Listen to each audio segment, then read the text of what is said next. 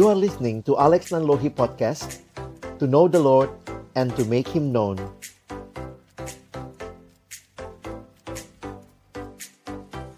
Jangan bersembunyi di balik alasan jadi garam dan terang untuk terus bertahan dalam sebuah situasi yang tidak benar. Saya mau bertahan nih.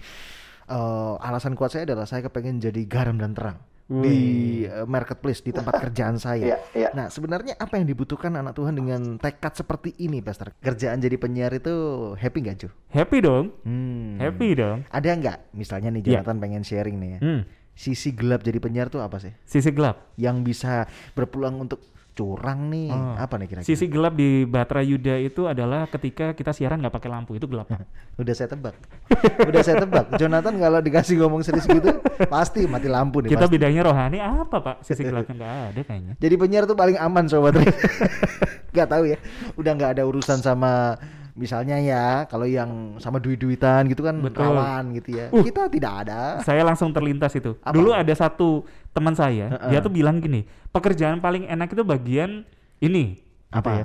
Iya, Bagian contoh ya sobat Iya, Rida, iya. ini tidak mendiskreditkan siapa pun. Iya. Bagian pembelian. Oh kenapa? Pasti nanti dikasih souvenir. dikasih. Ayolah Pak, beli barang saya Pak. iya, tapi kalau souvenir masih nggak apa-apa kan? Souvenir nggak apa-apa. Contoh, contoh, contoh. Ada Apa juga. tuh? Kita nggak usah sebutin bidangnya Apa tuh, apa ya. tuh? Mungkin bidangnya udah benar. Hmm. Oh ini, oh kita pikir baik nih ya. Iya. Ternyata job desk-nya untuk memanipulasi sesuatu, memanipulasi data dan lain sebagainya supaya menguntungkan perusahaan dan lain sebagainya. Tapi emang kerjaannya programmer mungkin Pak, manipulasi data Pak. Iya, iya. kalau yang itu sih nggak apa-apa. Kalau yang nggak baik itu loh.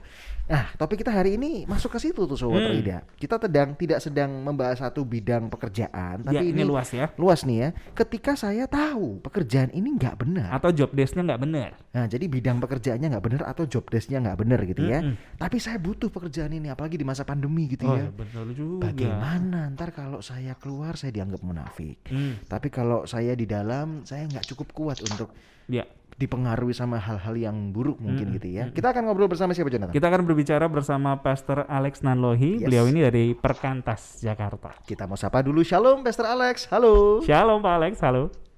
Halo, shalom Pak Nathan, shalom Pak Jo, Halo. shalom Terima semua kasih. sobat Bahtera Yuda. Yes, terima kasih sudah sambung di Baterai Yuda FM. Bagaimana kabar Pastor Alex? Sehat? Sehat, puji Puji Tuhan. Tuhan. Puji Puji Tuhan. Tuhan. Lebih. Eh, apa ya? Lebih terkendali beberapa situasi di sekitar kita ya. betul, betul, betul, betul, betul. Tapi harus tetap dikendalikan gitu ya, Iya. supaya Betul. nggak terlalu over gitu ya. Surabaya Jakarta kondisinya mirip-mirip lah Pastor ya.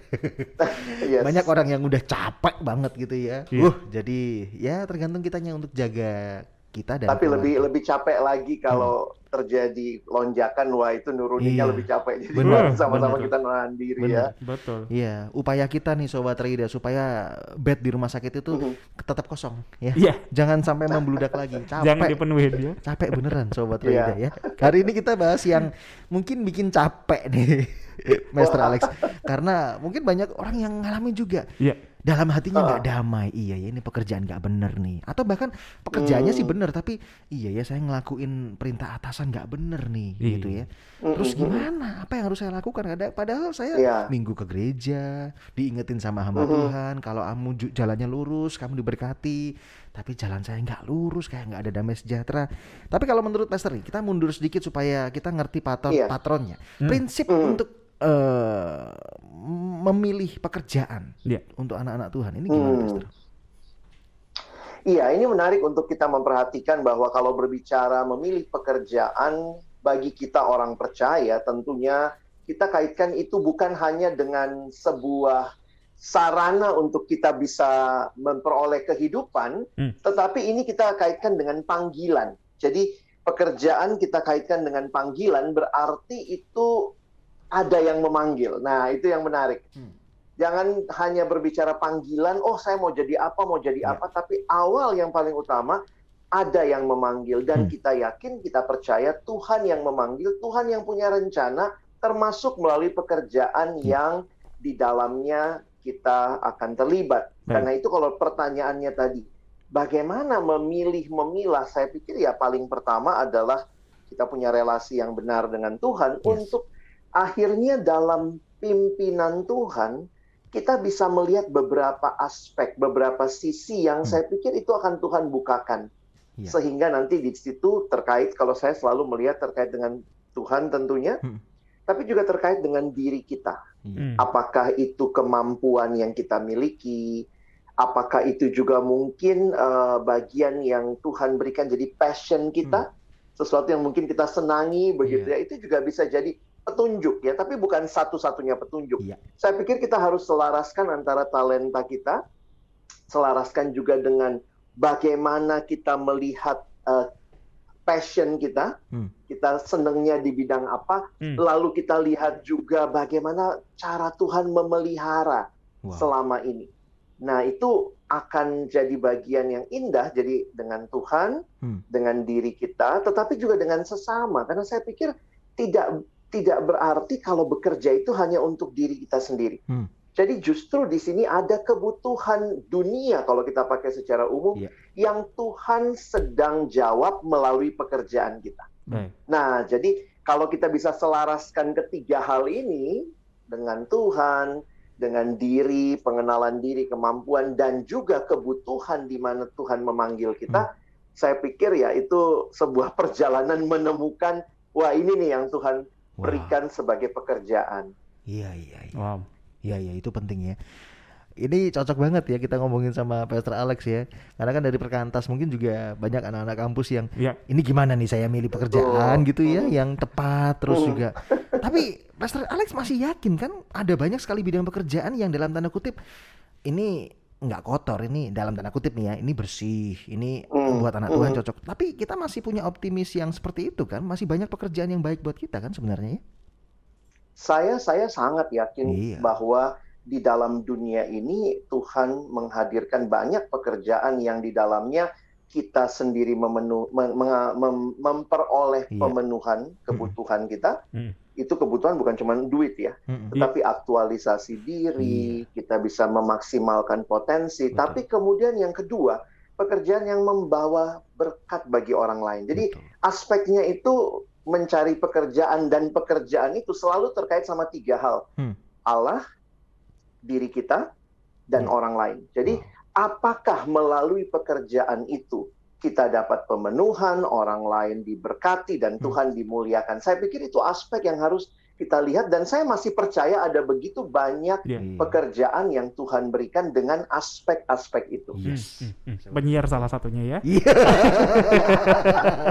Ada kebutuhan pendengar ya, pendengar sobat Bahtera. Yuda yang sedang dipenuhi dan saya pikir itu cara Tuhan yang indah Bener, buat diri pembinaan, kita juga sama. Betul. Pendapatan juga ada aktualisasi diri jelas gitu ya. Pak ya. Oke, luar biasa. Jonathan. Tapi sebelum saya masuk, ini sebenarnya saya pengen tanya tuh Iya, iya, soal iya. resignnya. Tapi saya masuk eh, mundur sedikit, Mas. Iya. Bagaimana kalau misalnya Baik. di situasi yang seperti ini, Mm-mm. eh, saya bertanggung jawab untuk bikin laporan, contohnya ya. Iya. Ini contoh aja nih. Heeh. Tapi atasan saya menyuruh saya untuk memanipulasi Iya. datanya. Ini kan Hmm. pergolakan nih ya, Pastor. ya. Di satu sisi kalau Iya. nggak nurut saya di itu Heeh. gitu kan. Tapi kalau saya nurut saya Saya nggak jadi berkat buat Nah, orang ini lain. ini ini kejadian yang paling sering tuh. Iya, Pastor. betul tuh. Jadi atasan yang nyuruh kita untuk ya bertindak bohong, manipulasi. Nah, bagaimana sikap kita? Iya. Nah, Pastor? solusinya Hmm. gimana tuh, Pastor? Nah, setelah tadi saya bicara dan kita sepakati bahwa masih banyak pekerjaan yang di dalamnya tentunya Tuhan memberikan kesempatan kita Hmm. Tapi, nah ini kita harus ingat juga ya, Oke. sehingga kita juga tidak tidak menjadi orang yang melihat pekerjaan itu segala-galanya. Iya. Hmm. Maksud saya begini, kita ada di dalam dunia yang sudah jatuh di dalam dosa. Hmm. Itu tidak bisa kita lupakan. Sehingga seperti apa pun pekerjaan itu pasti ada sisi baiknya, tetapi juga pasti ada celah-celah untuk atau bisa kita jatuh dalam dosa. Termasuk melayani Tuhan bisa juga. Betul. Di betul. gereja di gereja tuh tempat yang kayaknya paling baik gitu ya untuk kita bekerja tetapi poinnya bisa jadi di situ yang kita senangkan adalah majelis jemaatnya Oh, hamba Tuhan menyenangkan majelis jadi sekarang ini sebenarnya kita tidak bisa berbicara tentang satu pekerjaan yang ini pekerjaan ini bebas dari dosa Hmm. tidak ada pekerjaan yang sama sekali terbebas dari kemungkinan untuk jatuh dalam dosa. Mm-mm. Karena itu, kita harus melihat pertama, di dalam setiap pekerjaan apa celah-celah yang berbahaya Hmm. yang memungkinkan kita mungkin kompromi, Hmm. jatuh dalam dosa. Jadi kalau tadi misalnya ya, kalau pekerjaannya keuangan Hmm. atau mungkin untuk provide data, wah Hmm. itu sangat mungkin untuk supaya kelihatan bagus atau Iya. mungkin laporan pajaknya dibuat sebedemikian rupa Iya, begitu. Nah, kita harus menyadari bahwa ada potensi itu. Tapi yang kedua yang saya pikir harusnya kalau ditanya bagaimana dong sikap kita, Hmm. saya pikir sih mari kita belajar untuk eh, saya pakai istilah begini ya. Ya. Eh, kita kita sama-sama berjuang dulu nih Hmm. di dalam pekerjaan itu. Perjuangannya itu bisa begini.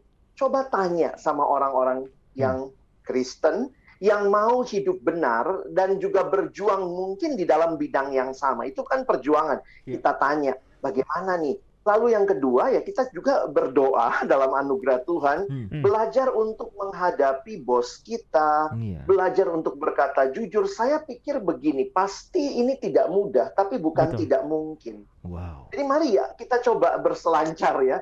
Karena saya pikir sih bukan berarti begini. Kalau disuruh uh, langsung bohong lalu kemudian ya udah saya langsung keluar dari pekerjaan itu. Saya ketemu dengan beberapa orang yang dia jujur bilang, "Kak, ya ini karena adik-adik yang Iya. saya bilang, Kak, saya gagal. Kali ini saya ikutin deh maunya bos. Hmm. Hmm. Tetapi saya tahu ini nggak benar. Nah, saya lebih senang orang yang seperti itu, Wow. yang tahu kegagalan tapi mau bangkit dan kemudian saya bilang, ayo berjuang. Iya. Saya nggak kuasai bidangmu, tapi kamu bisa tanya ke beberapa orang, Hmm. kita kasih referensi anak-anak Tuhan yang ada di bidang itu, bagaimana nih resikonya? Karena biasanya kalau kebohongan itu kan selalu ada resikonya ya. Kalau ketahuan nanti yang masuk penjara siapa misalnya. Jadi kemudian kita bisa bukakan hal-hal Iya. itu dan kemudian itu menolong dia juga untuk meskipun kamu dibayar mahal, tapi ini resikonya luar biasa mengerikan dan Hmm. pastinya tidak menyenangkan Tuhan. Iya. Dan termasuk menghadapi bos itu bagaimana? Kan ada Hmm. seninya ya. Kita Iya, ini kan bukan betul. bicara sama patung ya. Bagaimana bicara kalau mungkin bos kita mau dengar. Kalau dia nggak terbuka untuk diskusi, maka saya pikir sih dalam batas waktu tertentu, ya kita juga harus memutuskan mau stay di situ Iya. atau tidak. Saya pikir jangan jangan mengatakan ya kalau saya berjuang, nah perjuangan itu juga saya pikir dalam hikmat Tuhan Hmm. teman-teman atau sobat Bahtera Yuda akan bisa lihat batasnya di mana Iya. begitu. Hmm. Baik. Hmm. Luar biasa. Oke, memang agak agak sulit begitu ya, Iya, entah iya. itu bidang pekerjaannya Iya, iya, yang betul. beragam, tapi memang ketika kita ketemu sama orang yang lebih senior dengan pekerjaan atau bidang yang sama, kita bisa belajar, Benar, gitu ya. benar, benar. Kalau ujuk-ujuk langsung apa-apa langsung, wah ini ada yang nggak baik, saya resign. Waduh, jangan-jangan Tuhan izinkan kita di sana untuk Enggak. jadi jadi agen perubahan juga ya, bisa juga kan? Yes, Iya kan? yes. Luar itu biasa. itu yang saya yakini juga. Mm-mm. Iya. Baik, Jonathan. Bagaimana kalau misalnya langsung resign, Pastor? Tapi kita kita butuh nih pekerjaannya nih. Iya, nanti kalau dianggap kalau resign terus dianggap munafik gimana? Nah, Pastor? itu. Sebenarnya kan eh, dianggap itu bukan berarti kita seperti itu. Iya sih. Jadi saya pikir sih jangan kemudian kita juga live our life to others people expectation. Iya. Kita nggak hidup untuk me- menghidupi apa yang dikatakan orang lain. Yang Iya. penting sebenarnya kan apa yang Tuhan katakan dan kita mau berjuang untuk itu. Iya. Hmm. Jadi kalaupun munafik ya ngaku, aduh saya munafik, tapi saya nggak, saya tahu ini bukan yang seharusnya saya lakukan. Iya. Dan ayo bangkit gitu ya. Nah karena itu saya pikir penting sekali kita punya support group juga ya. Hmm, Saya pikir hmm, Hmm. gereja-gereja membentuk komsel, membentuk KTB, kelompok tumbuh bersama. Sebenarnya itu jadi support group untuk ketika anak-anak Tuhan tuh mau hadir dalam dunia, mengerjakan misi Allah. Tapi ya siapa kalau di sana kan semua ikutin maunya Hmm. bos. Tapi kita punya support group yang ikutin maunya bos yang utama Iya. yang di surga Betul. begitu. Baik, luar biasa. Iya, memang kalau kata-kata dianggap itu ya buat kita yang kepengaruh ya mungkin ngefek ya. Tapi kembali lagi kan dianggap, ya Dianggap. kan? Dan kita mau mengakui atau enggak dan mau berjuang atau enggak itu Hmm, itu hmm, pilihannya. hmm, hmm. Atau kalau gini, Pastor, Beberapa kali sih Pak, Iya. ini bisa bisa dibully juga loh sebenarnya. Iya, ya. Jadi ah, benar. saya saya ngalamin juga ya. Wah, Jadi ada orang-orang yang membuli dan saya pikir eh, itulah perjuangan kita ya. Iya. Iya. Perjuangan untuk hidup benar, hidup jujur ya. eh, ya kita harus hadapi itu karena kita mau hidup sesuai dengan yang Tuhan mau. Yes. Hmm. Hmm. Betul, Hmm. betul, luar biasa. Ini pertanyaan saya yang eh, selanjutnya nih, Master. Ini yang kebalikannya. Ya. Kalau saya misalnya berta pengen bertahan, Mm. wah saya mau bertahan nih. Eh, alasan kuat saya adalah saya kepengen jadi garam dan terang di eh, marketplace di tempat kerjaan saya. Iya, iya. Nah, sebenarnya apa yang dibutuhkan anak Tuhan dengan tekad seperti ini, Pastor? Kan tekad kan nggak cuman di awal saja gitu ya. Takutnya di awalnya kayak bawa pedang ternyata sampai sana. lah lah cuman cuman pisau Karet ternyata. karet lagi pisaunya. Nah, itu kan nggak ada nggak ada nggak ada nggak ada tenaganya, nggak ada manfaatnya juga. Akhirnya juga kepengaruh. Eh, Apa yang dibutuhkan anak Tuhan ketika punya tekad? Oke deh, aku pengen jadi garam dan terang di tempat kerjaku. Saya pikir sekali lagi ya, ketika kita memutuskan untuk bertahan, maka kita pertama harus meyakini itu memang apa yang Tuhan mau. Hmm. Jadi memang relasi kita dengan Tuhan yang meneguhkan untuk kita tetap stay di situ Hmm. dan juga mungkin seperti tadi ya, beberapa kondisi kita sedang bergumul dengan sulitnya mencari pekerjaan, Betul. tapi kita tahu kita juga butuh penghasilan dari bagian itu. Hmm. Tapi juga saya harus ingatkan begini, beberapa orang bilangnya mau jadi garam dan terang, tapi benar waktu masuk ke situ makin lama bukan makin jadi garam, Hmm. bukan makin jadi terang, malah ikutan dengan Hmm. orang lain hanya dengan alasan ya mungkin nanti satu waktu kalau saya sudah lebih lama di sini, kalau Ah. saya sudah punya kedudukan yang lebih tinggi, barulah saya memberi pengaruh. Iya. Hmm. Jadi saya harus katakan ini sekali lagi eh, ya pergumulan eh, sobat Bahtera Yuda dengan Tuhan, Hmm. tapi pastikan ya bahwa jangan bersembunyi di balik alasan jadi garam dan terang Uh. untuk terus bertahan dalam sebuah situasi yang tidak benar. Hmm. Karena saya lihat ada ayat Alkitab yang mengatakan kadang-kadang kan kita cuma ngutip Matius 5 ayat 13 16 ya jadi garam jadi terang tapi ada ayat yang mengatakan Efesus pasal 5 Ya. ayat 8 memang dahulu kamu adalah kegelapan tetapi sekarang kamu adalah terang dalam Tuhan sebab itu hiduplah sebagai anak-anak terang saya Ya. pikir poinnya ada di ayat 9 dan 10 karena terang hanya berbuahkan kebaikan, Hmm.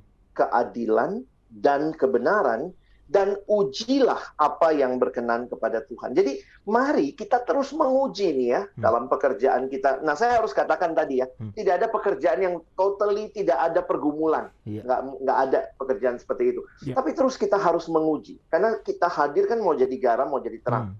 Apakah ini baik?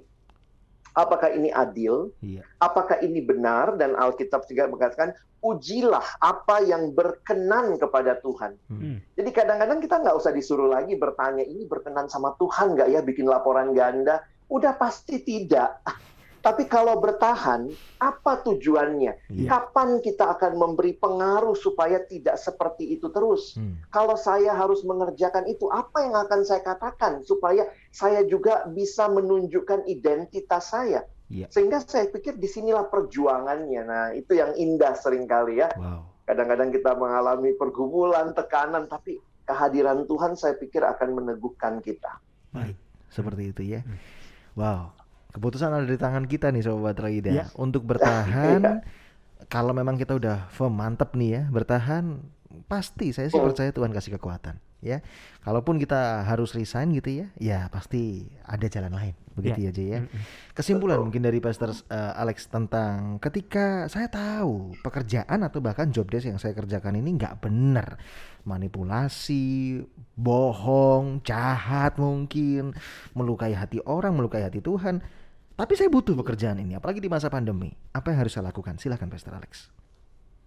Iya, saya mungkin mengingatkan saja kalau tadi saya bicara tentang relasi dengan Tuhan sebagai bagian penting menolong kita bertahan. Di situlah kita punya hikmat kapan harus lanjut, kapan harus berhenti. Saya Ya. pikir relasi dengan Tuhan akan menolong kita. Tapi yang kedua tadi ya, jangan lupa bahwa kita punya saudara-saudara seiman yang sedang berjalan bersama. Hmm. Karena itu nikmatilah komunitas yang Tuhan berikan ini. Saya juga berpikir ya untuk orang-orang yang kadang-kadang sudah begitu sibuk sama pekerjaan bahkan tidak memberi diri bergaul, berinteraksi, bertumbuh bersama anak-anak Tuhan baik di gereja, di persekutuan sehingga ini yang saya lihat ya dalam pengalaman ketika harus resign tidak ada koneksi dengan orang-orang yang juga sama-sama cinta Tuhan. Padahal kan ya Tuhan juga bisa memberikan kita mungkin pekerjaan dengan melalui orang-orang yang dekat dengan kita, yang mungkin juga kalau rekomendasiin pekerjaan, dia akan berikan rekomendasi pekerjaan yang, Iya. wow, saya tahu nih kamu mau hidup benar gitu ya, Hmm. atau ya itu support group tadi. Jadi saya pikir mari kita bertahan dengan relasi dengan Tuhan, tapi juga relasi dengan saudara seiman, Hmm. itu menolong kita melewati pergumulan, menghadapi uh, situasi pekerjaan yang tentunya tidak mudah. Tapi Yes. ingat juga kita harus menunjukkan identitas kita di dalam Tuhan dan itu saya pikir uh, kita harus siap juga menerima segala resiko yang dikatakan tentang kita. Wow, luar Seperti biasa. itu. Gak gampang, tapi hari ini sedang kita bahas dan mari kita cek dalam bidang kita, dalam peker- uh, pekerjaan kita. Bagaimana, apa celahnya kalau kita masuk dalam pekerjaan itu, apa celahnya nih yang bisa iblis manfaatkan nih. Dan kita harus sadar, tetap andalkan Tuhan juga ya. Narasumber kami Pastor Alex ada di mana Jo? Anda mau kenalan boleh di Instagramnya. Anda bisa follow Pastor Alex di Alex Nanlohi 74. Iya. Tulisannya A L E X N A N L O H Y 74. TikTok juga ada. Uh, banyak. Saya pasti buka TikTok ada Pastor Alex karena saya sudah follow juga ya. Pastor Alex, doa Thank kami you. Pastor Alex keluarga boleh sehat selalu. Yes. Ini kami Terima ucapin terima kasih. kasih banget kalau sudah ngobrol panjang lebar tentang pekerjaan dan semoga ini bisa jadi penuntun buat para pendengar dan Betul, juga kami betul. yang mendengarkan kalau Betul. memang bidang pekerjaan yang kami sedang jalani em, eh, di luaran gitu ya, ada yang nggak benar atau ada celah yang bikin Hmm. bisa bikin kita jatuh gitu Betul, ya. Semoga betul, kita betul. bisa eh, sama-sama berjalan bersama. Doa kami juga Pastor Alex, pelayanannya semakin luar biasa Ya. di mana pun Pastor Alex berada. Kalau mungkin pandemi sudah Terima selesai, pas ada di Surabaya, boleh mampir bersama kita. Iya, iya sabar nih.